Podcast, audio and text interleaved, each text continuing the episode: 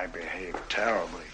But I had to be sure what you knew. You see, I'm positive your brother meant to rob me when I left the bank with my diamonds. Oh, I, I don't know. I don't know. I don't know anything. Was Silla planning the robbery alone? Rob? You know the value of diamonds? No, I don't. Neither do I, not in today's market. Tomorrow I must go and find out before I go to the bank. You see, your brother was incredibly strong. Strength is often inherited. He died in your arms. He traveled far and in great pain to do that. There has to be a reason. I don't know. I don't know anything. Carl!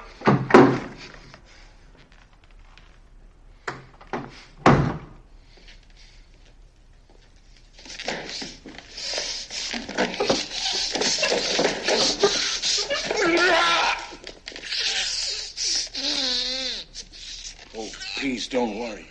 I'm not going into that cavity. That nerve's already dying.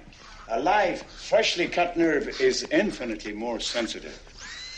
So, I'll just drill into a healthy tooth until I reach the pulse.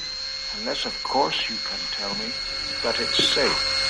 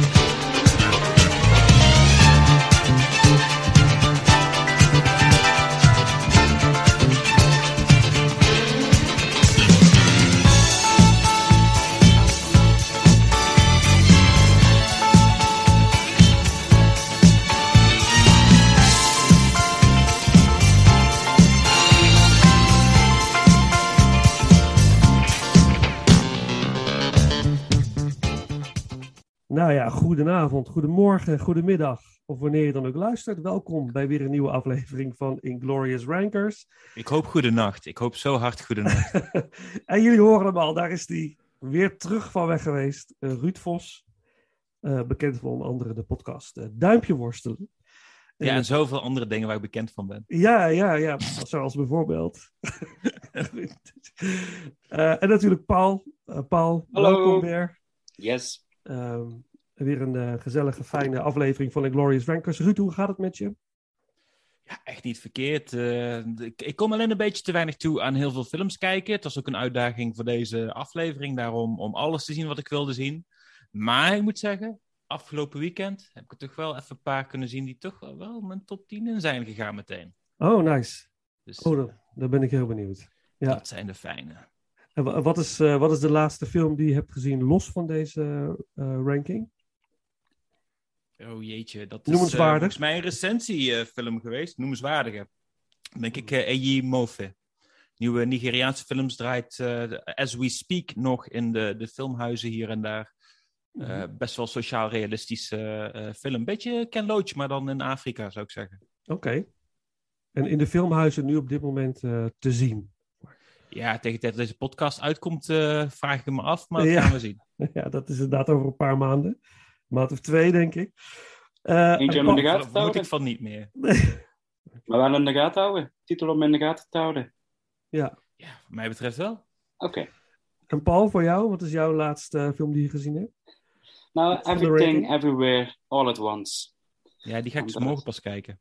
Ja, en dat is, uh, ik denk nu wel de, de hit die momenteel uh, tenminste in Amerika en nu ook wel een beetje Europa aan het veroveren is. Mm -hmm. Dus uh, en, en, ja, het gaat over een, uh, over een, Aziatisch gezin die te maken krijgen met uh, multiverse problemen, zullen we maar zeggen. En ik, ik, ik, vond hem. ik, ik vond het een duimpje, duimpje omhoog. Laten we het zo maar even vertalen.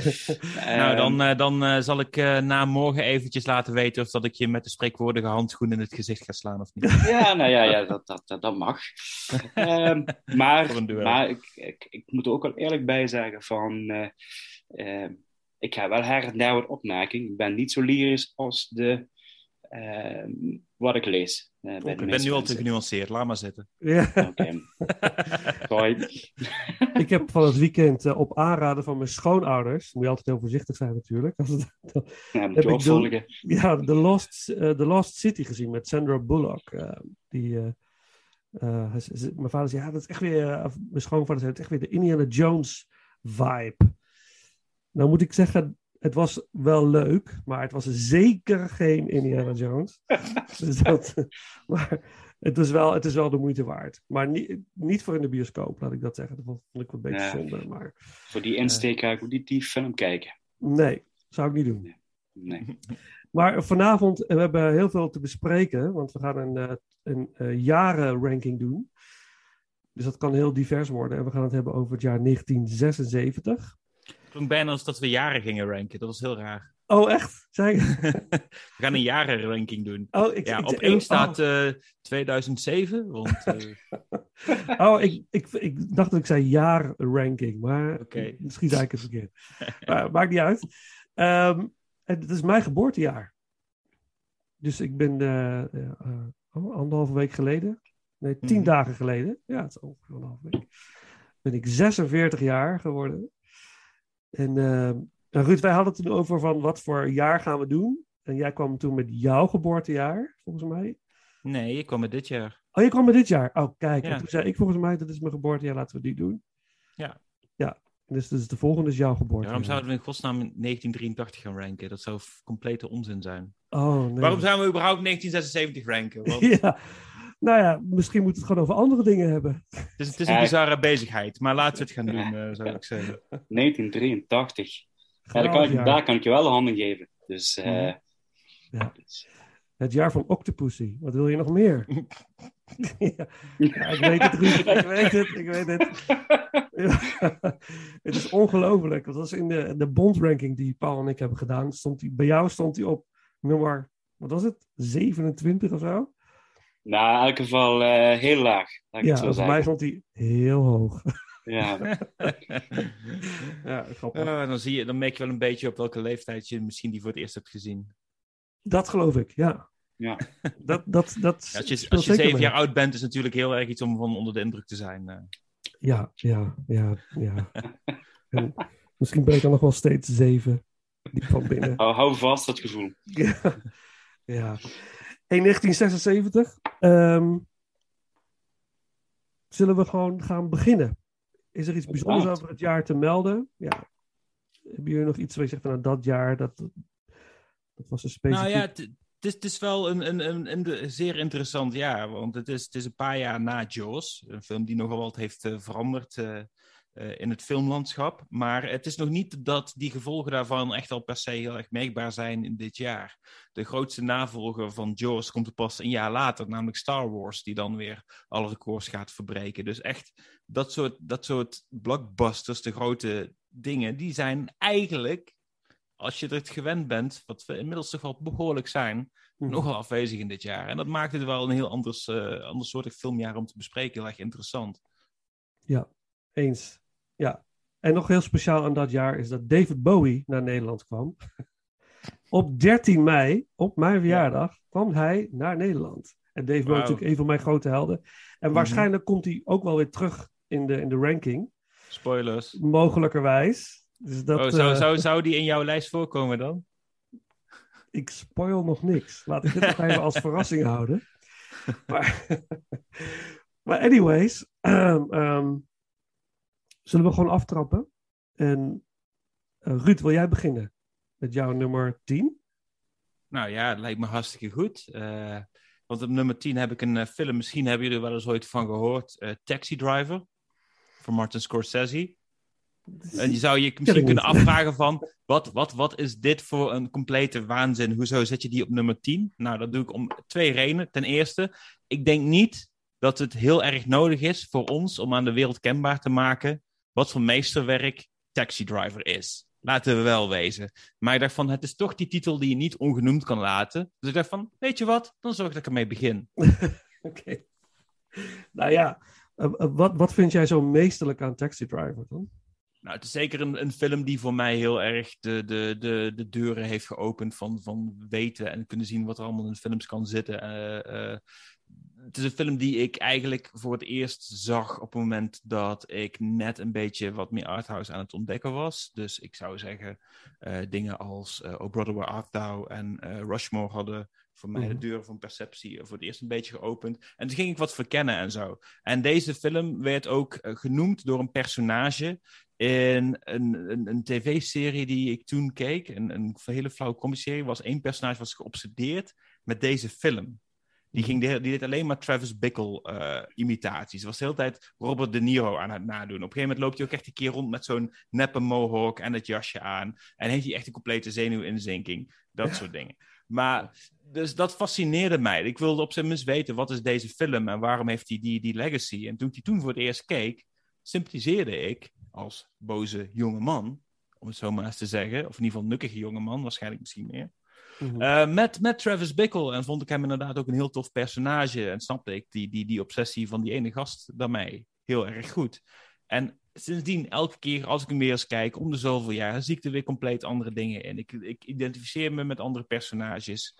Ik, ik eh, zie hele andere ladingen van wat het verhaal inhoudt. En nog steeds, elke keer als ik hem weer opnieuw kijk, heb ik dat opnieuw. En laatst keek ik met mijn vriendin en zij had zoiets van, ja, is wel leuk. En dat vond ik ook het noemen waard. ja. Oh, ja. Ja, dat kan natuurlijk ook. Ja, ze dacht dat ik heel teleurgesteld was dat, ik, eh, dat, dat zij hem niet beter vond. Maar ach, fuck it, moet zij weten. Ja, precies. Haar mening. Vooral niet over in discussie gaan, denk ik. eh, Hey, op dat ik zet hem nu ook nummer 10, mede ingegeven door mijn vriendin. Dus ze heeft, Oké. eh, heeft er zin gekregen. Ja, het is, natuurlijk, het is veel referenties natuurlijk eh, naar, eh, of eigenlijk andersom, Joker. Die heeft veel, eh, leent veel van Taxi Driver. Ja, steelt veel van Taxi Driver. Ja, toch? Ja, steelt is misschien het juiste woord. Ja, je hebt gelijk. Ja, wat, wat, vond, wat vond je daarvan, eh Ruud? Als je, als je die, Wat, van Joker? Ja, wat vind je van Joker? Eh, Kon, kon je dat handelen? Er, was, er was een citaat van, ik noem maar eventjes degene die het heeft gezegd, Julius Koetsier, de, de hoofdredacteur van Schokken Nieuws. Die zei een keer, Joker is taxi driver voor kinderen. En dat vond ik een hele goede samenvatting. Oh ja. Dus eh, het, is, het was een heel vermakelijke film toen ik hem keek. En hoe langer ik er daarna over nadacht, hoe minder eh, goed, sterk ik hem vond. Mhm. Eh Joaquin Phoenix is fantastisch daarin. Maar moeten we het nou echt over Joker in hebben, terwijl we het ook over Taxi Driver kunnen nee, hebben? nee, dat, is, ik, dat is wat ik ik wilde het gewoon even benoemen. Nee, ik denk, ik, voor mij komt hij sowieso nog terug. Dus ik, ik zal mijn eh, mening eh, nog even voor mezelf houden. Het bij jou? Komt hij bij jou nog terug? In de... Ja, In de dat lijst? komt bij mij ook nog terug. Oh, Oké, oké. Ja, Ja, nee, ja. dat wist ik. Dus nu heb ik hem als eerste gezegd. Haha, Yes, daar, heel goed. Ah. Mooi, mooi. Oké, nou jouw nummer 10, Taxi Driver. Doen we straks een stukje, stukje muziek. Lekker wat Eh, Bernard Herrmann, kom op. Ja, Bernard Herrmann. Echt ehm, een fantastische soundtrack trouwens. Maar die bewaren we voor wat later. Ehm, Paul, wil jij de volgende zijn? Zekers. Ja, mijn nummer 10 is Silver Streak. En Silver Streak is een film met Gene Wilder. eh, En ook, eh, even kijken, Richard Pryor. Dat is een van de vier samenwerkingen van deze ja, heren, wat toch eigenlijk wel vaak samen wordt genoemd. En eigenlijk waarom ik hem nummer 10 heb gezet, of ja, heel simpel verhaal gaat, eh, Gene Wilder gaat op de Silver Streak. Dat is een, een trein die een hele lange reis van meerdere dagen moet afleggen, wordt verliefd op een medepassagier, maar tegelijkertijd ook getuige van een moord. En ehm, ja, dat vinden ze natuurlijk niet leuk. Dus hij wordt meerdere malen van de trein afgeknikkerd en hij doet er alles aan, eigenlijk om zijn liefde te redden. Ehm, ja, ik weet dat het geen hoogstaande film is op zich, maar ik vond hem eigenlijk zo leuk toen ik met het kijken was, dat ik denk, ja, het heeft echt iets weer van die ouderwetse ehm ja, comedyfilms. Ook een beetje in de, in de, in de, in de trant van John Candy en ehm, al die bekende films die hij heeft gemaakt. Eh, dus ik vond het wel een hele leuke, ja, feel-good movie met ook wel wat, wat slapstick en wat, wat, wat gekkigheid en absurditeiten erin. Vermaakt met een spannend detective verhaaltje en ook nog gewoon een ja, schappelijke nuances, of eh, romance moet ik zeggen. Ehm, het enige, enige wat ik, ja goed, ik, ik ben op zich niet zo'n fan van Gene Wilder, om zo te zeggen. ik eh, vind hem maar een beetje een rare vogel en eh, ik heb het altijd weer, ik moet vooral denken altijd aan, aan de film van ja, Willy Wonka, hè, de chocoladefabriek, waar de meeste mensen hem dan van kennen. Mhm. Eh, dus dat is een beetje dan. wat... Maar voor de rest, ik heb hem gekeken afgelopen week en ik vond het eigenlijk een hele leuke, eigenlijk een verrassing. Ik had weinig verwachting met deze film. Eh, maar eigenlijk was het toch wel eh, meer verrast eh, dan ik verwacht had. Dus vandaar dat hij bij mij op nummer 10 is gekomen. En wat vind je van Richard Pryor? Ehm, nou, hij heeft in deze film een relatief kleine rol. Hij komt ook redelijk pas laat in, in, in, in de film, in het verhaal tevoorschijn. Ehm, ja, ik, ik, ik kan op een manier kan ik hem wel iets beter hebben, om het even zo te zeggen, als dat eh, ook je vraag is. Eh, maar ik vind wel dat ze wel een hele leuke, hele leuke eh, zeg dat, chemie hebben, die twee. Dus wel van, je merkt dat die twee wel eh, heel goed op elkaar ingespeeld zijn. Dus, en dat maakt het wel leuker, waardoor de balans wat meer te zoeken is en waardoor het wat meer goed te verteren is. Laat ik het dan even zo zeggen. Ik vond het wel een leuke film. Staat niet op mijn lijst. Ja, Dus dat... Het is er eh, eentje die ik helaas niet, eh, niet heb kunnen zien. Maar eh, dat is wel Ja, ik- eentje die ik anders wel heel graag had gekeken voor deze lijst. Het was waarschijnlijk een van de volgende die ik zou hebben opgezet. Ja. En zeker ook omdat ik zo'n fan ben van Gene Wilder. Hoppa! Oké, oké, maar wat, wat Ah, maakt Gene Wilder dan ja. voor jou geen rare vogel? Hij is zeker wel een rare vogel. Dat is juist waarom hij zo awesome is. Ja, ja, ja, ja, ja. ja. Ehm, hij, hij stond een keertje op het, op het eh, podium en deed hij een super serieuze rol. En toen was hij verbaasd dat iedereen steeds om hem moest lachen. En vervolgens is hij dat gaan omarmen. En is hij, Ja. is hij, een, is hij een ster geworden. En mede, de- ja, dankzij ook eh, Mel Brooks, die hem ook meteen omarmde. En een, een eh, grote rol gaf in, eh, in, de, in de producers. Uh, 68, als ik me niet vergis. Ja. En eh, ook hem eh, samen heeft gebracht, volgens mij, met Richard Pryor. Toen eh, Richard Pryor meeschreef. En eigenlijk de bedoeling was dat hij de hoofdrol zou spelen in eh, Blazing Saddles. Oh, ook Mel Brooks classic natuurlijk, Blazing Saddles. Ja. Ja. Gene Wilder, ik, ik, eh, ehm, die film The Woman in Red. Ik zou die jaren tachtig film, dat is, dat is, oh, dat is niet met Gene Wilder. Nee, nee, nee. Ik, ik zit verkeerd. Ik zit verkeerd. Ik dacht dat hij wel met Gene. Wilder was. Was hij wel met Gene Wilder? Ja, dan moeten we even opzoeken. Maar volgens mij wel. Ja. En eh See No Evil, Hear No Evil. Uit de jaren Ja, 80. Uiteraard. Ja, ja, ja. Echt, eh, echt een eh, classic. En wat ik zo Ja, grappig ook zo'n vind... samenwerking tussen, tussen Pryor en eh, Gene Wilder. En die misschien een beetje merkwaardig is om nu te kijken, aangezien Kevin Spacey daar ook in zit. Ja, ja, ja. Ja, we kunnen Kevin Spacey niet meer zien, hè? Dat is... Oh, die kunnen we zeker nog wel zien. Maar- Alleen, je hebt Alleen- een beetje even zo'n moment van... Oh ja, Kevin Spacey zat in deze film. Hmm. Je kunt beter naar Seven kijken en dan wordt hij ook neergeschoten, zeg maar. Nee, dat is wel... Wauw, meneer zeg Spoilers eh, slaat weer toe. eh. Ja, nou ja, goed. Men weet het inmiddels, dat wij gewoon... Je spoilen ook zeggen wat er in de box zat? Eh, wat ik van zo, zo, zo, Ja, paprika chips. Ehm, wat ik zo grappig vind bij Silver Streak aan het begin, ja, gelijk al dat Gene Wilder gewoon gelijk een fantastisch mooie vrouw aan de haak slaat. Als Ja. niet een hele aantrekkelijke man, ook direct, ook meteen eh, volop romance, eh beddelen en dergelijke. Dat vond ik wel, eh, vind ik zo frappant. Hij heeft toch iets heel aantrekkelijks voor vrouwen dan. Blijkbaar wel. Een rare vogel. Ja, ja, een grote bankrekening, dat, dat helpt. Hij was een verbehoorlijke bankable star tegen 1976. Dus Ja, ja. dan best die dan eens een contract laten opnemen van... Oké, eh, ik kies wel een leuke actrice uit en dan schrijf er maar een scène voor. Vast. Vast. Silver Streak, nummer 10 voor jou, Paul. Eh doe, Yes. ja, doen we daar een stukje muziek uit. Het is eh, hier de main title. eh, muziek van Henry Mancini. Die ook veel, veel componeert in de jaren 70. Volgens mij in de jaren 60 zelfs ook nog. Dus, ehm, en dan mijn nummer 10.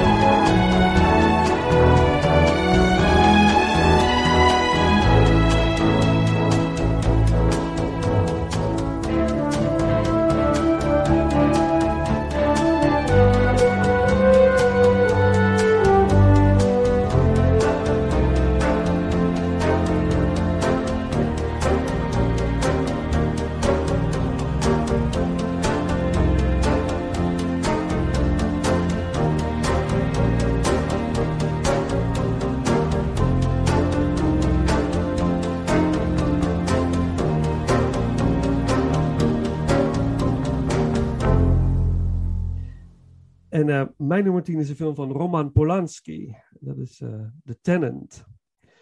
Ehm, ja, een een film waarin Roman Polanski ook zelf de hoofdrol speelt en tevens eh, regisseur is. Eh, een beetje surrealistische beleving, moet ik zeggen. Eh, en in eerste instantie vond ik het heel vreemd. Eh, ik denk van, oké, wat moet ik hiervan verwachten van deze film? Eh, maar uiteindelijk leidt het naar echt een heel intrigerend eh, eh, verhaal. Het speelt zich allemaal af in Parijs. En eh, er is een, een, een man, gespeeld door Polanski, die een appartement wil huren in een appartementencomplex. Nou, dat gaat allemaal best wel moeizaam in eerste instantie, maar hij, hij krijgt het appartement omdat de, de vrouw die daarin woonde, eigenlijk een zelf, die heeft een zelfmoordpoging gedaan, eh, in het ziekenhuis is beland, nog net niet dood is. Eh, maar iets intrigeert hem. En hij gaat naar dat ziekenhuis. eh, en de vrouw in het bed ziet hem en raakt in een soort van frenzy, een soort paniek. Ehm, en eh, sterft eigenlijk. En dan krijgt hij het appartement. Maar het lijkt wel alsof dat appartement soort van haunted is of zo. Er zit iets in het appartement waardoor hij langzaamaan ehm, ja, zijn, sanity eh, verliest. En heel erg geïntrigeerd raakt door die vrouw die zelfmoord heeft gepleegd in die ruimte. En het typische is, hij transformeert in die film langzaam aan naar die vrouw. Hij gaat zich voelen als die vrouw.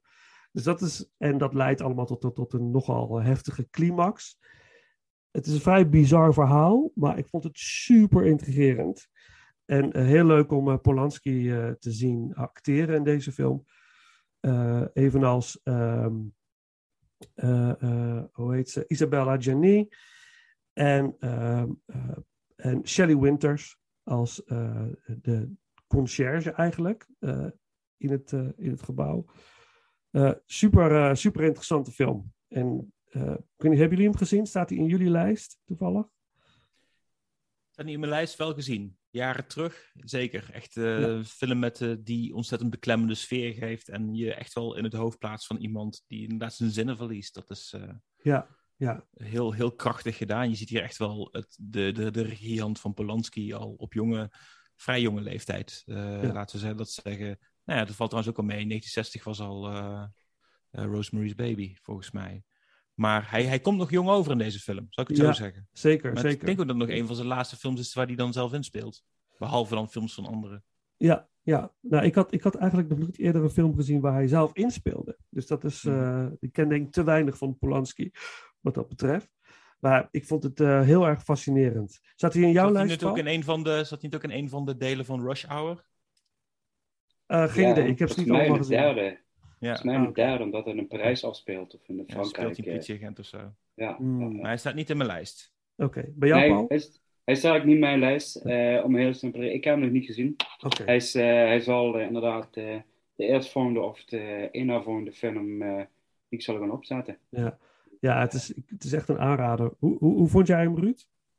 Intrigerend, zeg je? En, eh, Ja, fantastisch. ja, ja, Dus eh, het, is niet, het is niet dat hij niet op mijn lijst staat, omdat eh, dat ik... eh, eh, ik had gewoon meer dan genoeg om uit te kiezen, zou ik het zo ja, zeggen. ja, ja, ja. ja, Dus ja. eh, het is er zo eentje die ik zeker nog even wel heb overwogen. Maar stiekem is die ook een beetje er niet op beland, omdat ik een vermoeden had dat een van jullie twee het misschien wel zou doen. Oh, nice. Ja, oké. Check. Ja, nou ja, echt een, echt een goede film. Dus als je het niet gezien hebt, ga zeker kijken. Echt inderdaad een beklemmende film. Ehm, het is ook wel fascinerend dat je als, als kijker ook de hele tijd twijfelt aan... verliest hij nou echt inderdaad eh, eh, zijn sanity, zeg maar? Of, of gebeurt het nou echt? Dat is, want het lijkt wel alsof eh, iedereen in het appartementencomplex zich tegen hem keert op een of andere manier. En dat is een heel... ja, is heel interessant om naar te kijken. Hele bijzondere kijkervaring, vond ik. Oké, dan een stukje... iets wat... Ja. Ja, dat- als je het zo vertaalt, dan, dan is het ook wel iets wat je toch wel meer terug ziet in ander werk van Roman Polanski. Die, eh, dat doet me daar denken aan Rosemary Baby, maar ook eh, Nine Gate en eh, wat, wat andere films waar, waar toch wel de, de, de argwaan en de, de parano- paranoia eh, de, de kop opsteekt, zeg maar. Ja. Dus eh, Ja. Ja. ook wel bekend eh, eh, ja, trademark van deze Mhm. man, om het zo te zeggen. Mhm. Hij doet het goed. Ik vond zelfs de Ninth Gate niet heel erg eh, slecht. Moet ik zeggen. Nee, nee, wel nee, niet integrerende, slecht. goede film. Ja. Maar daarin is echt een beetje het, het, het satanisme viert daar hoogtij, zeg maar. In Rosemary's Baby en in eh The Ninth Gate. Ja, dat is in deze film lijkt dat niet zo te zijn. Maar er zit wel iets bovennatuurlijks in. En dat is wel... ja, precies. eh, maar goed, daar zal ik nog niet te veel over vertellen, anders ga ik te veel spoilen. Maar dat, eh, Mhm. Dat kan je ook wel op eh, eh, aan het denken zetten, deze film. Dus nummer 10, The Tenant. Eh, stukje muziek, main titles uit deze film. Muziek door Philippe Sardé. En ehm, dan kunnen we nog eh, doorgaan naar jouw nummer 9.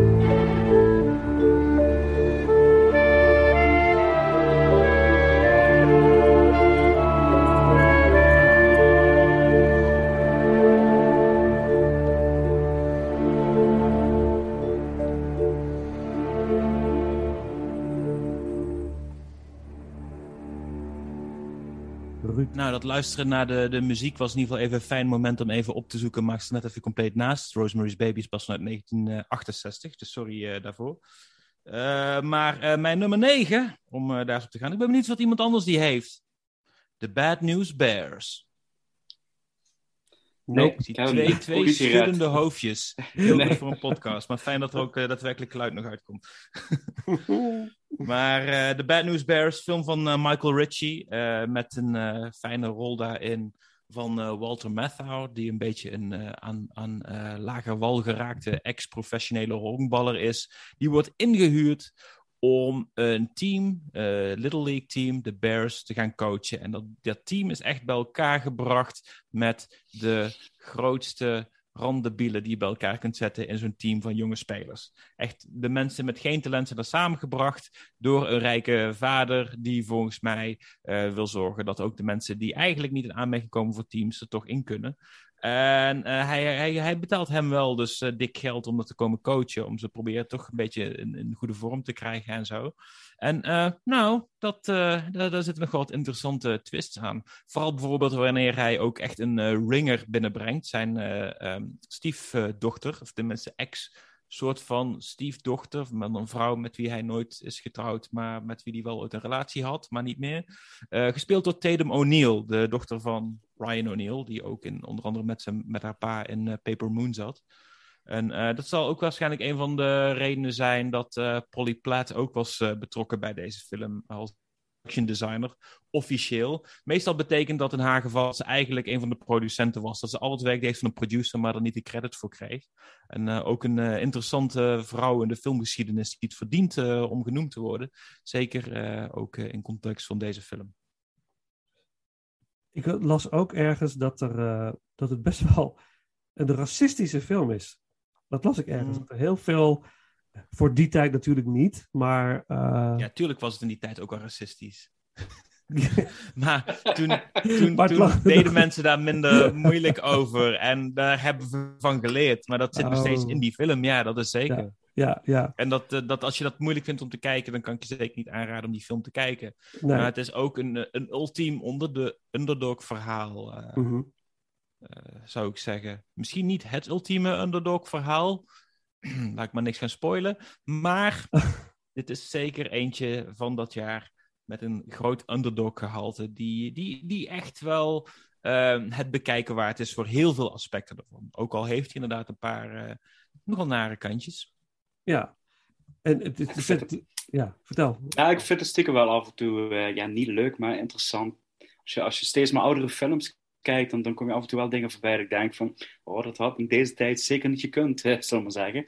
Qua, qua opmerking of qua wat, wat, dat dan een acteur en een actrice op de kont slaat. Natuurlijk wel, omdat het bij de rol hoort, maar ik denk dat tegenwoordig dat uh, al uh, hemel en aarde wordt bewogen om deze film uh, uit, de bios uit de bioscoop te flikkeren.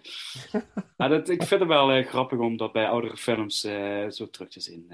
ja. Van hoe, hoe je toch de, de de tijdsgeest veranderd is. En uh, ja, ja je, kunt, je kunt er naar kijken en denken van die film is nu echt hartstikke kloten, omdat die volgens die tijdsgeest is gemaakt. Maar je kunt er ook naar kijken en ervan leren wat die tijdsgeest was. En daar je eigen nieuwe conclusies aan trekken. En ik denk dat dat veel waardevoller is om er op die manier mee om te gaan. Ja, ja en dat mis ik af en toe wel gewoon van. Dat je dat, je, dat inderdaad in plaats van erop te, te, te zeuren van kijk ernaar en leer ervan, zeg maar. Van nou, zo was het in die tijd. En eh, weet je, het is inderdaad niet iets om trots om te zijn. Maar ja, goed, dat was toen wel normaal tussen aanhalingstekens. Zo leefde men toen. Ik heb laatst uh, gekeken naar, uh, gewoon voor mijn plezier, naar de film Airplane uit 1980.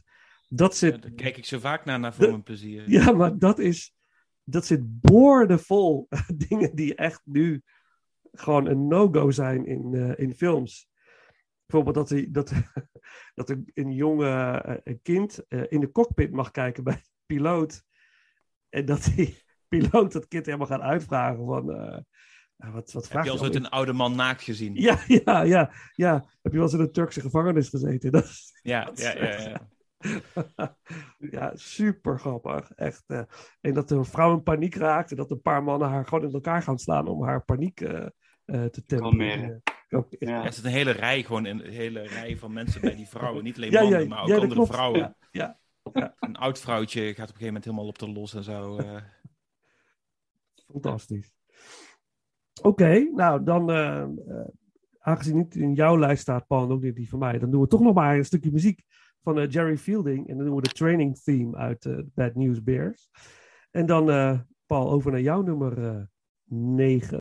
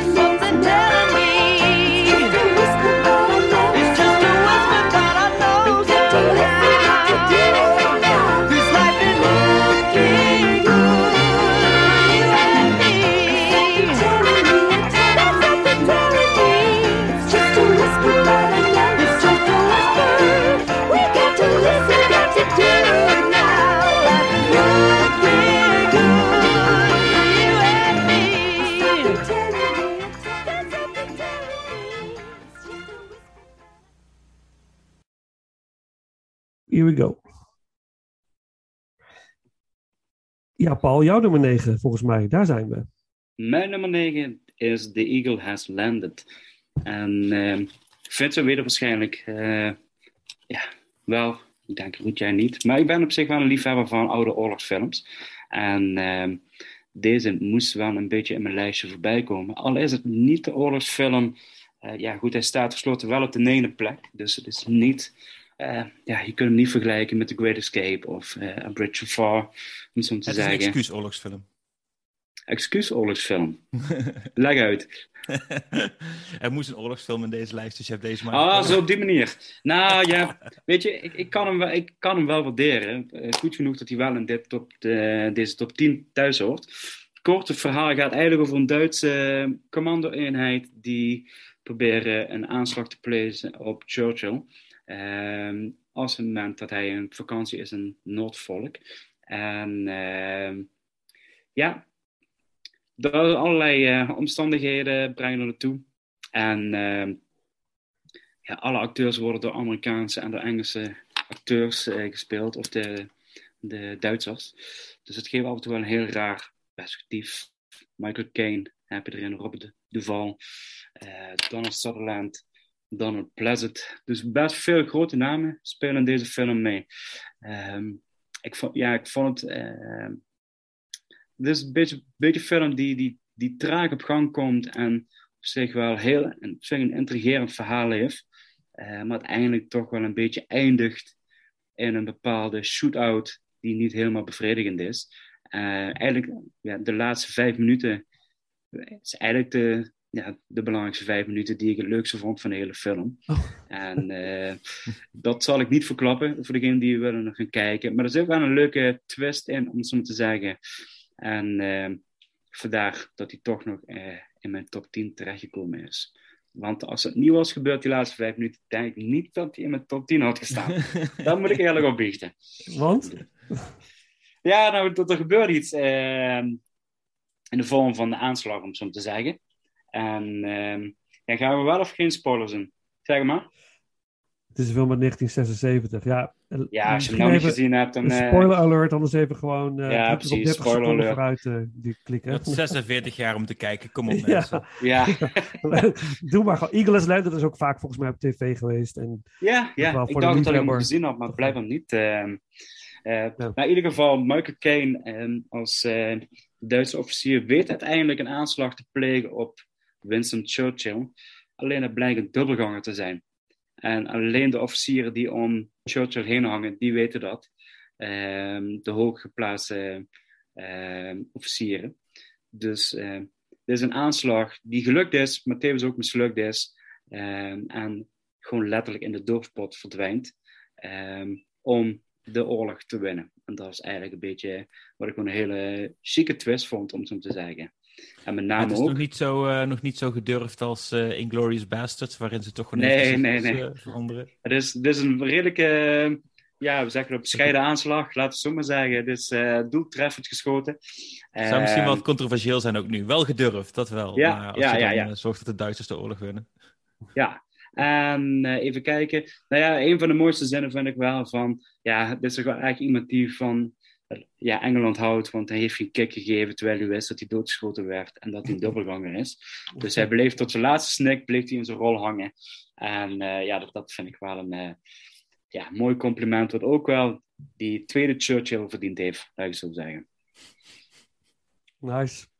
The Eagle has Landed. Mooie soundtrack ook. Muziek van Lalo Ja. Schifrin. Het is echt eh, het is een heel herkenbaar thema ook. Mhm. Oké, classic. Staat hij in jouw lijst, Ruud, toevallig? Ik heb hem nog nooit gezien. Oké, oké. Hij staat hier in de DVD-kast nog steeds onbekeken. Helaas, eigenlijk al jaren. Schande. Ik had hem nu eh, voor deze podcast willen kijken. Op zijn Eén van de minst. Niet gelukt. Ja, Nee. ik kan het gevoel. Nee, voor mij kwam het echt. Ik heb, ik heb een poging gewaagd. Maar ik kon er, ik, inderdaad, het was zo traag aan het, eh, aan het begin. Dat ik er niet echt, eh, niet echt doorheen kwam, zeg maar. Dus, eh, Ja. Precies. Hij, hij, hij, is- hij is starttraag, laat ik zo zeggen. Ja. Hebben jullie meer eh, films uitgezet onderweg naar deze podcast? Gewoon zo van, ik moet hem eigenlijk Nee. kijken. Oh, wacht, nee, dit, dit laat maar.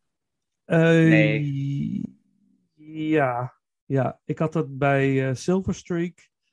dacht, ik- dacht ik op een gegeven moment, nou, laat maar, ik, ik, ik, kom er niet in. Weet je, het is, stop maar. Eh, en eh, nog bij een andere, maar ik, ik denk dat die nog wel voor, voorbij komt. Dus die zal, eh, zullen we even bewaren. Die, eh, Ik heb er eentje wel een stukje gekeken, dat moet ik wel eerlijk eh, zeggen, om, om toch steeds eh, een bepaalde frisse moed erin te gooien. Ja. Eh, Maar die had je wel eens ooit eerder gezien? nee, ook niet. Ook niet, oké. Nee, nee, nee, nee. Dus ik heb hem wel met eh, heel veel inspanning heb ik hem afgekeken. Oké. Het is wel jammer met Silver Street dat je hem niet afgekeken hebt. Want op zich die eindcrash, dat gewoon een complete trein een treinstation naar binnen vliegt, vond ik wel echt voor die tijd vond ik wel eh sterk gemaakt, eh, om zo te zeggen. Oké, nou ja, misschien Dat, dat eh, ik het nog een poging ga wagen. Ja, Zal of wel. nou ja. door naar de laatste 10 minuten. Dat Ik kan heb ook. ook zo'n schaamfilm op mijn lijst staan. eh, Lino Cente van eh, Visconti. Ik begin aangezet en na een half uur gaf ik nog steeds niks om wat er gebeurde in de film. Het zag er mooi uit, maar veel meer dan Mm. dat het er mooi uitzag, had ik er nog niet eh, mee. Dus ik had zoiets van, weet je, ik ga de kans geven aan iets waarvan ik denk dat het mijn lijst wel haalt. Ja, goed, slim. Ja, Maar voor straf kijk ik hem nog een keer uit. voor straf. Nee, Jezelf te kastijden. Oké, ja, Dat no- is een zwaar leven, jongens. de muziek uit eh, Eagle Has Landed eh, door Lalo Schifrin, eh, de main theme. En dan eh mijn nummer 9.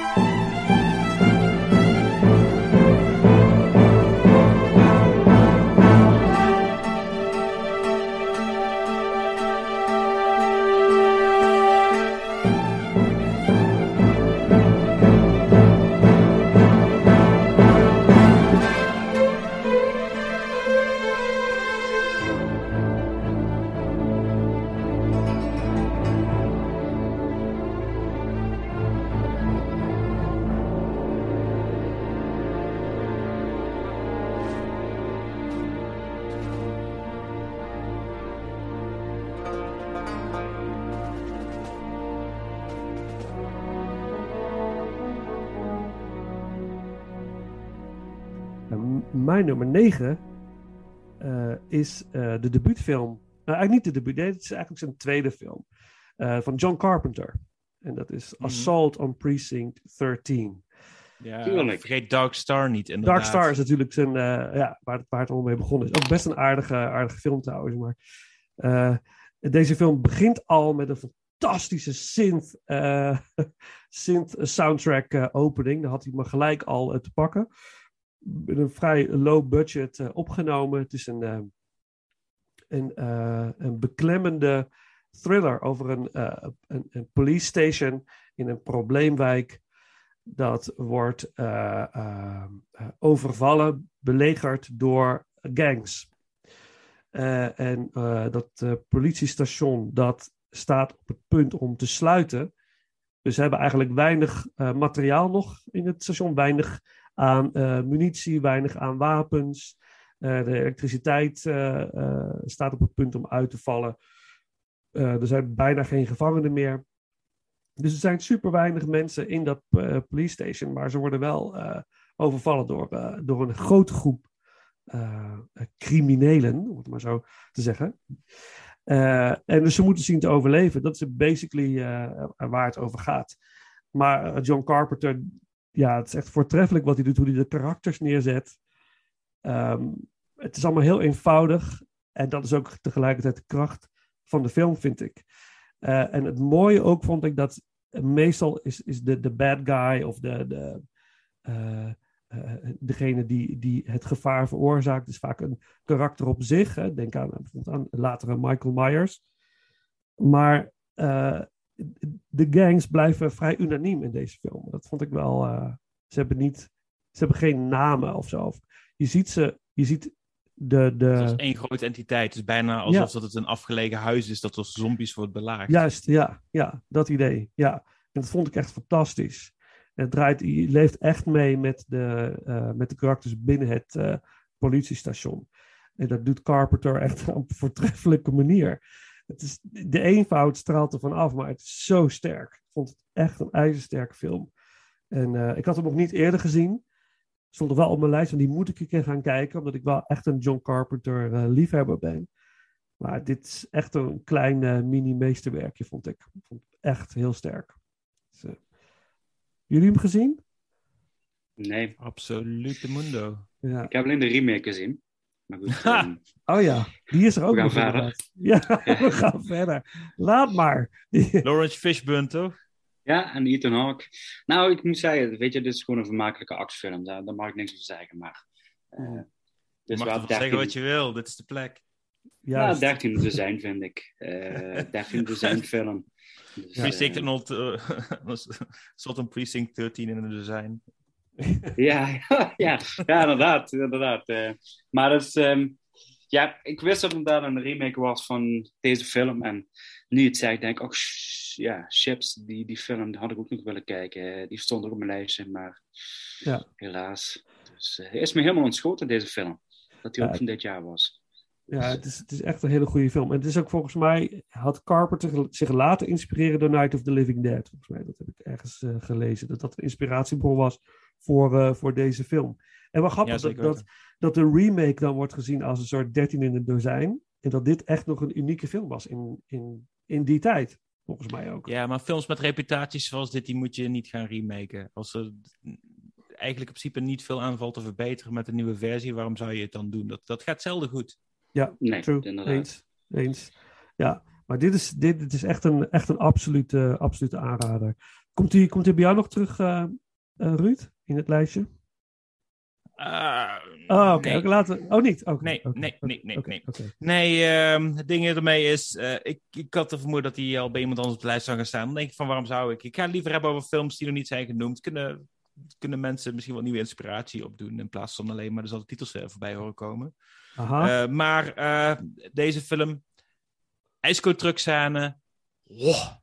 Ja, ja, ja, ja. O- ook zo'n scène die in deze tijd volgens mij echt gewoon geband zou worden. In, eh, Nee, die wordt niet geband. Het is gewoon dat mensen er super geschokt van zijn. Omdat eh, de, de, ja, de- Ja. de- wat, er, wat erin gebeurt, daar hangt nou nog meer een cultus omheen. Van, oh, dat, dat moet beschermd worden en zo. In eh, die tijd zag je wat meer van dit soort gruwelijkheden gebeuren. Maar het Ja. kan echt nog wel. Er zijn echt Ja? wel films waarin dingen als dit gebeuren. Ja, ja, het is ook wel een hele. Het is, best, het, het is nog steeds schokkend om te zien, vond ik. Zeker. Je voelt het aankomen en als het dan gebeurt, denk je: oh god, ja, dat is wel echt te heavy. Wat, eh, Ja, je denkt van, ze zullen deze- toch niet, ze zullen toch niet, ze zullen toch niet, ze zullen toch niet. En dan, ja, ja. ja. en het wordt best wel lang eh, uitgesteld, het moment. Dus Mhm. eh, hij, hij bouwt de spanning echt eh, subliem op, vind ik. eh, dat, eh, ja, geweldig. Wat wou je zeggen, Paul? Nou ja, dat het een, een zeg maar, in dat jaar, om zo te zeggen, of in elk geval in die periode, dat er toch voor mijn gevoel veel meer kon, zeg maar. Wat ik dan nu in de films heb gekeken in de afgelopen dagen of afgelopen tijd. Uitgekomen met sommige scènes dat ik denk van, eh, ja, wat een beetje, ja, dat ik denk van, ik weet niet of het tegenwoordig nog op die manier er doorheen eh, was gekomen, zeg maar. Zonder Niet, bepaalde niet status te mainstream misschien. Men- mensen kiezen er zelf voor om het er niet in te doen, zodat ze makkelijker door een leeftijdskeuring eh, Ja, nee, heen komen. om te proberen zoveel mogelijk mensen de bioscoop te doen. En de jaren zeventig was een tijd waarin we veel meer duisternis in films terechtkwam. Dat is zeker waar. Maar Ja. er zijn nog steeds genoeg eh, films, eh, meer cultfilms, waarin wel nog eh, gruwelijke dingen te zien zijn. Ja, ja. Ja, En- eh. Niet, niet voor de gruwelijkheden, maar ik kan het wel waarderen. Dat ik denk van, eh, omdat het dan toch een bepaalde gelaagheid naar de film toe brengt. Ik denk van ja, het, het, het vertelt wel iets. Het is wel een, heeft wel een bepaalde functionaliteit, om het zo maar te zeggen. Ja, het laat nog veel meer gevaar zien. Het, het verhoogt het, ge- het gevoel van urgentie terwijl je naar te kijken. Het verhoogt de spanning ineens to- nog zoveel meer. Het zorgt ervoor dat de hele rest van de film een enorme lading krijgt van wat voor, met wat voor mensen heb je nou te maken. En dat is echt wel Ja. iets wat de hele film veel goed doet. Eens. Ja, ja geweldig.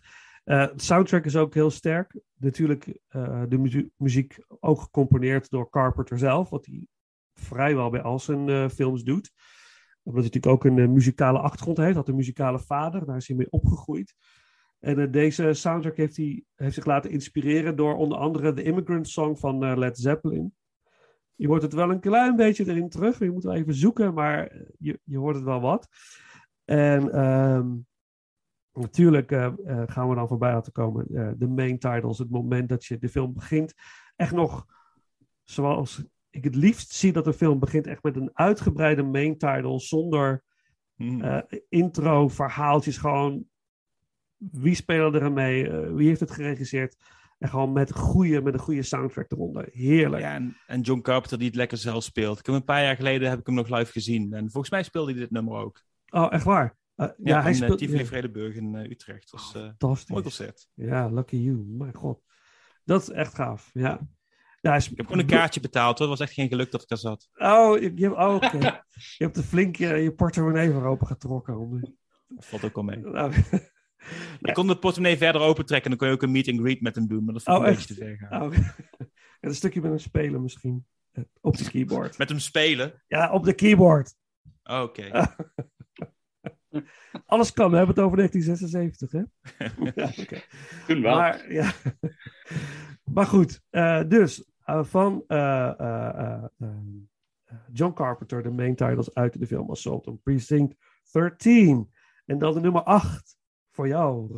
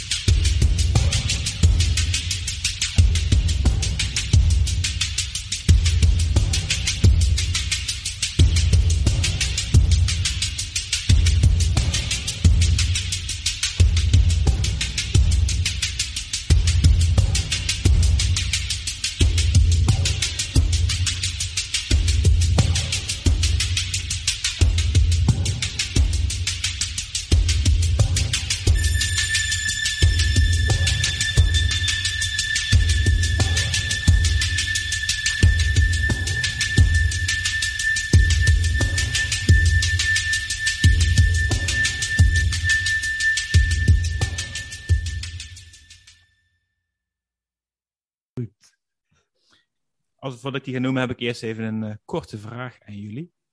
Mhm. Kom maar op. Is it safe? Is it safe? Ja? Ja. Vat je do hem you- al? what Heb je al door waar ik het over heb? What do you mean safe? Het, het, het grote meesterwerk van regisseur John Schlesinger met, Ja. met Dustin Hoffman in de hoofdrol. Marathon Man. ja, ja. Dat is, eh, dat is, dat is de film met eh, Laurence Olivier als, als een, als een nazi-tandarts die, die op zoek is naar zijn diamant. Ja, voortreffelijk. Ja, en hoe, hoe in die scène Dustin Hoffman ook echt, hoe hij dat uitspeelt. Dat hij, hij heeft geen flauw idee wat hem overkomt. Mhm. En de enige vraag die wordt stelt is, is het safe? En hij weet god niet wat die gast bedoelt. En hij weet dat hij in een penibele situatie zit. En dan probeert hij zich op een of andere manier eh, eruit te, te praten. En op een gegeven moment ook te zeggen van yes, yes, it's safe, it's safe. Dat hij, ik ga Ja. maar meepraten. Van, en dan dat zweet op zijn gezicht. En ah, fantastisch. Ja, Ja, ja, ja, een van de beste martelscènes ooit op film vastgelegd, eh, zou ik wel zeggen. Maar ook Ja. de scène met eh, Laurence Olivier die, die door een diamantbuurt heen loopt en dan wordt herkend. Het, het beginidee van waarom dat, eh, de- deze, dit verhaal zo is eh, geschreven zoals het is.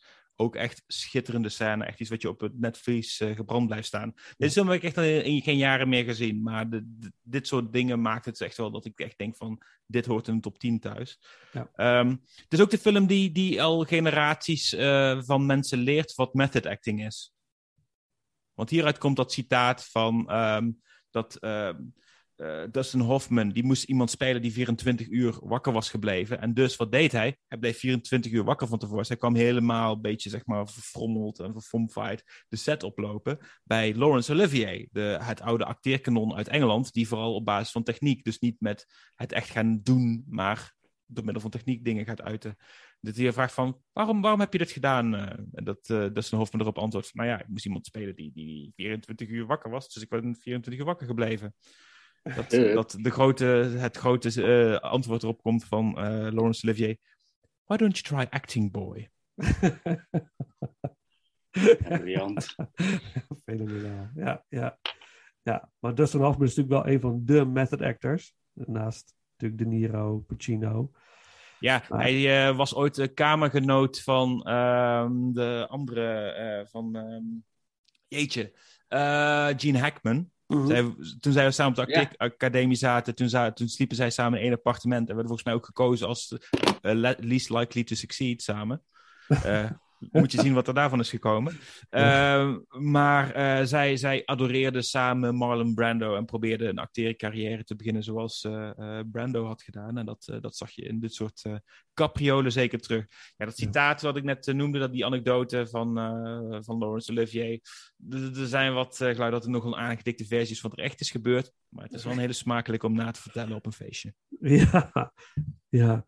Maar een briljante scène, de scène in Marathon Man is, is natuurlijk de, de, een van de meest briljante of spannendste martelscènes in de filmgeschiedenis. Nou, een gruwelijke. Eentje die je echt raakt. ja, Eentje waarbij de marteling echt meevoelt. Want iedereen Ja. weet hoe het is om bij een tandarts te zitten. precies. Maar de spanning vooraf, hè? Dus de, Mhm. hoe de spanning wordt opgebouwd, dat heet nog niet eens wat doet, maar die instrumenten worden op tafel worden uitgespreid. En de langzame opbouw naar het werkelijke moment, wat niet eens zo lang duurt, is, eh, vond, ik- vind ik echt ijzersterk. En dat is inderdaad dat gevoel van als je niet van een tandarts houdt en je moet naar de tandarts en je hebt je afspraak om tien uur en je wordt om, eh, om zeven uur wakker en denk oh shit, ik moet drie uur en dan ben je al zenuwachtig. En die, eh, die spanning is dan eh, herkenbaar, denk ik maar. Maar ja, goed, hopelijk gaat jouw tandarts je niet eh, martelen of zo, of dat hij daar plezier uit haalt. Dus, Ja, ik eh, hoop het ook niet, want ik heb eh, die diamanten die ik van hem heb gestolen, die heb ik eh, al half uitgegeven. Dus eh, Oh, oké, oké. Nou, Ja. hij martelt je op zich met de rekeningen die je stuurt. Dus, Ja, ja, dat is ja, genoeg. ja, ja, ja, ja, ja, ja. True. True. Ja. Maar je hebt natuurlijk je nieuwe je huis van gekocht, toch, eh, Ruud? Van die diamanten. Ja, dat bleef stil. no comment. We gaan verder. nee, ah, ja, maar hij komt eh, nog wel terug, eh, denk ik. In ieder geval in mijn lijst eh, komt hij nog voorbij. En eh, bij jou ook, Paul? Ja, Oké. ik big het op. hij Mooi. komt voorbij. Nou, dan laten we een stukje muziek nog even voor later. Eh, wat is jouw nummer 8?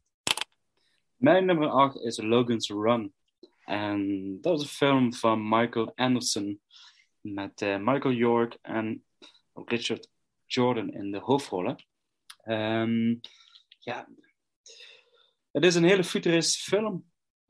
Prachtig gemaakt. Het, is eigenlijk van. Het deed me vooral heel erg denken aan.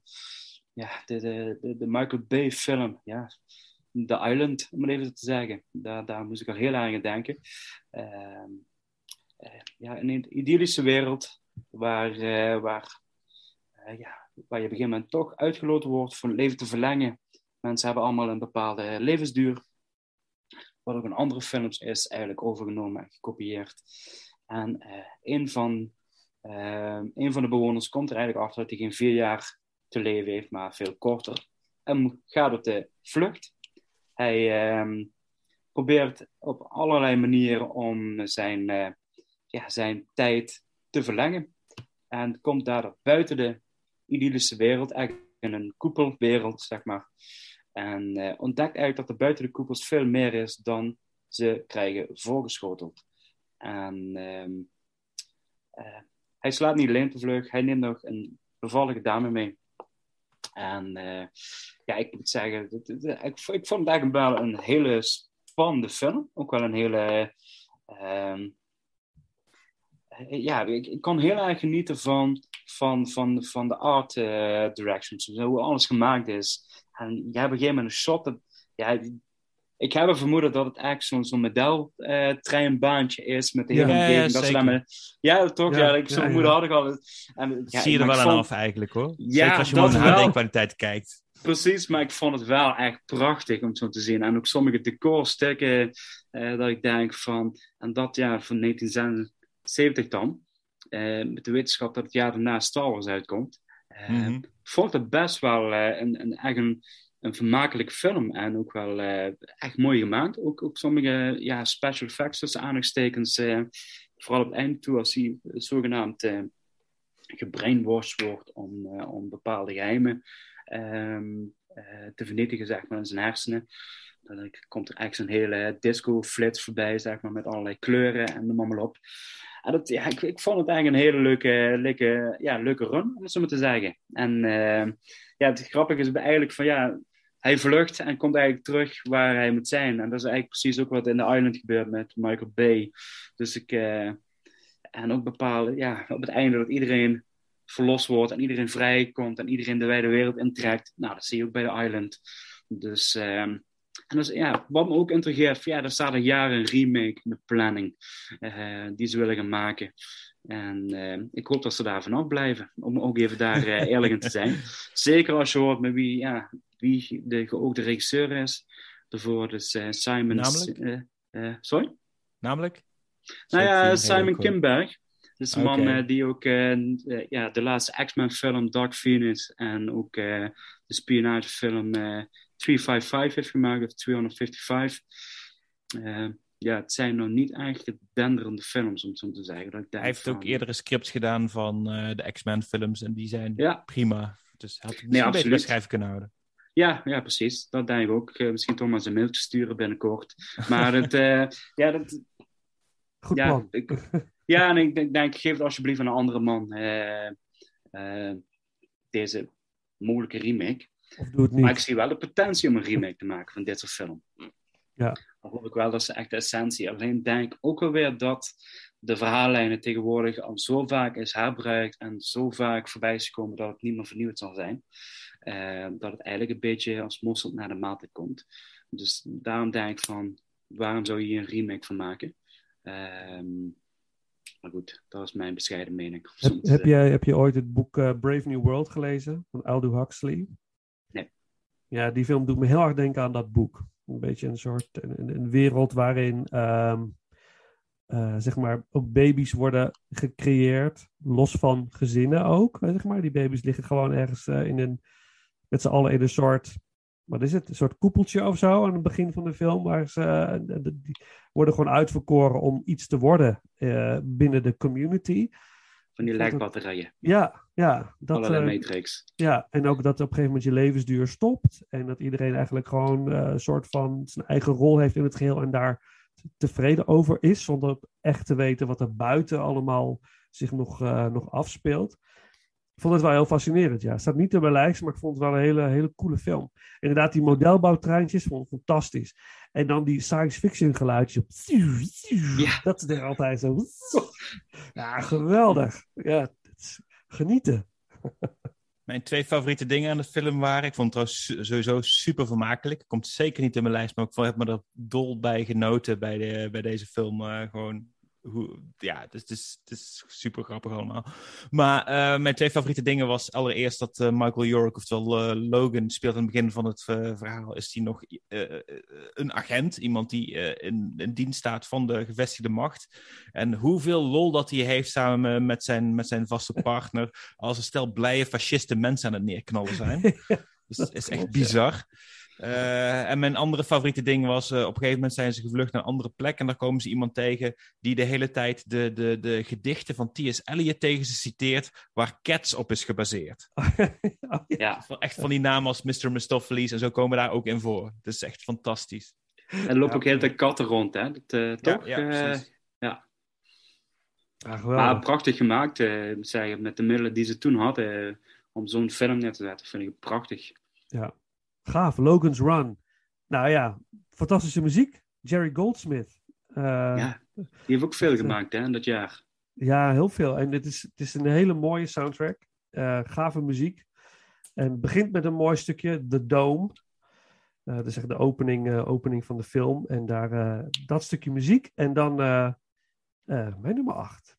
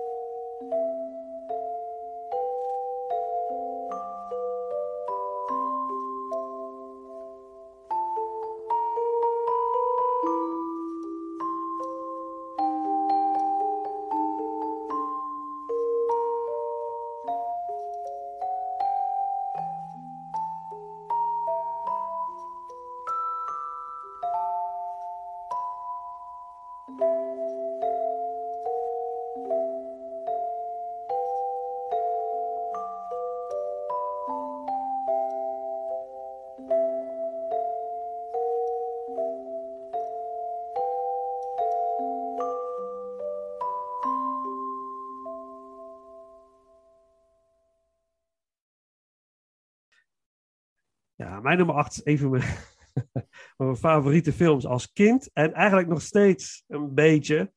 En dat is de film met de grote aap.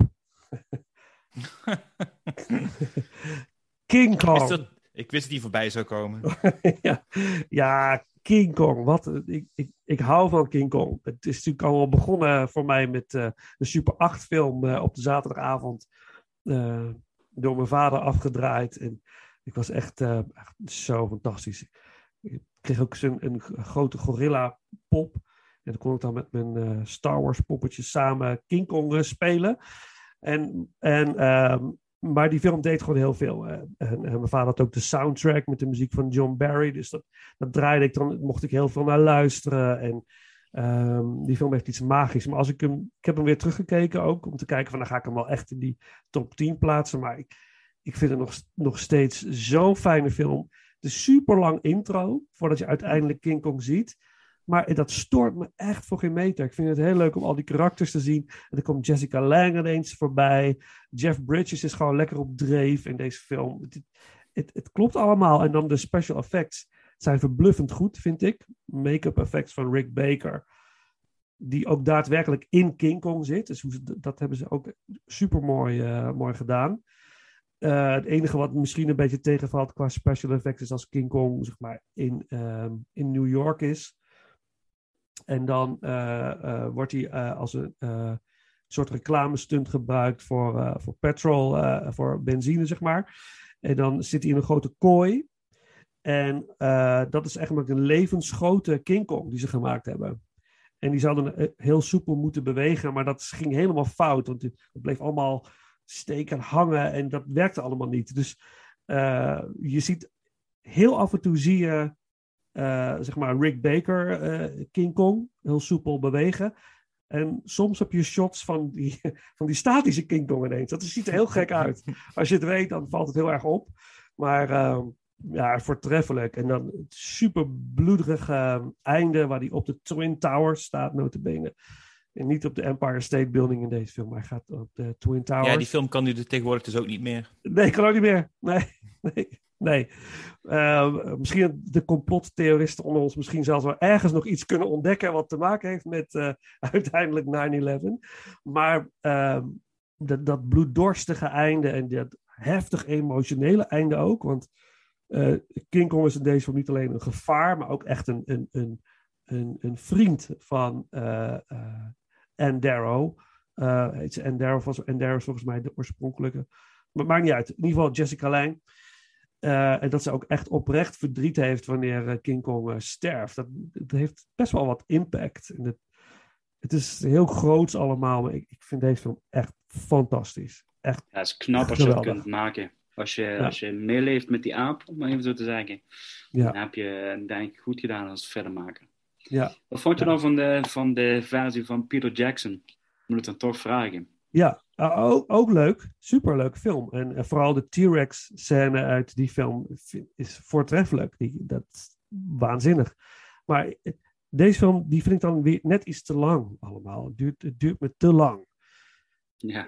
en, ehm, ja, Peter Jackson heeft de film gepakt van uh, anderhalf uur en heeft er zo'n drie uur van gemaakt. Dus ja, ja. Hij wel zo'n beetje precies hetzelfde verhaal, alleen gooit het vol met zoveel meer nog. Ja, precies. En, en het, hij brengt inderdaad het oude verhaal terug. En deze film maakt eigenlijk een soort van iets nieuws van het verhaal. En moderniseert het wat meer.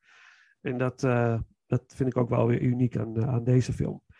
Dus um, ik, ik ben niet zo'n heel grote fan van de Peter Jackson uh, film. Maar hij is wel ontzettend goed natuurlijk. En qua special effects is het subliem. Maar mijn voorkeur gaat echt naar deze. Zelfs boven de 1932 versie, 33 versie. Die ook, ook voortreffelijk is. Hè? Dat is natuurlijk meesterwerk uh, in de filmgeschiedenis. Maar qua gevoel kijk ik dan liever, uh, liever deze, deze film. Zo. Nou, interessant ja. dat je toch eventjes nog een uh, ranking de King Kong tussendoor schuift. dat je niet kunt laten. ja, ja, nee, maar die bestaat al. Die heb ik al eens een keer gedaan. Dus die, die daar komt ook nog uh, King Kong versus Godzilla uh, voorbij. Tenminste, de, de oude Japanse variant. Dus uh, ja, en heeft een hele slecht vervolg trouwens, deze film. King Kong Lives, tien jaar later, in 1986. Die volledig de plank mislaat. Zelfde regisseur. een groot deel dezelfde crew, maar het, slaat volledig de plank mis. Dus King Kong Lives eh, zou ik eh, skippen, als ik jullie was. Maar die gingen jullie denk ik toch al niet kijken.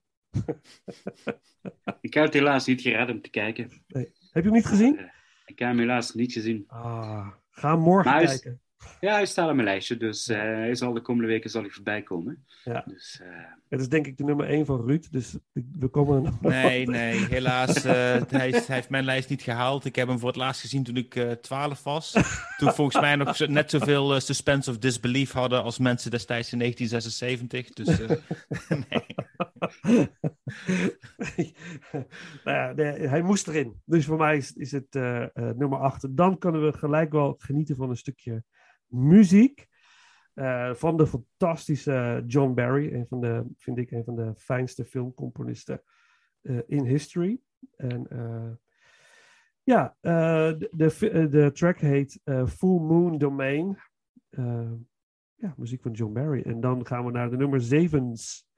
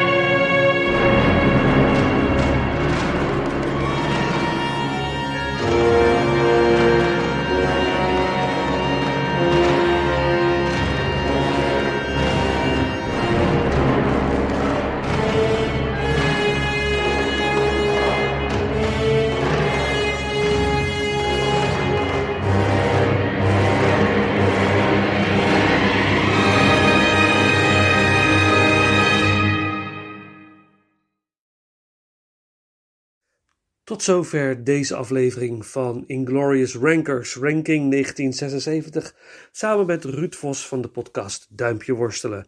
Zeker een podcast die we ook aanraden om eens te gaan beluisteren. We begonnen deze aflevering met een track uit de film Lipstick uit 1976 met muziek van Michel Polnareff. Ehm, we sluiten de aflevering af met een track uit de film A Star is Born, ook de 1976 versie uiteraard. Uh, het nummer Evergreen gezongen door Barbara Streisand. Beste mensen, voor nu bedankt voor het luisteren en tot de volgende ronde.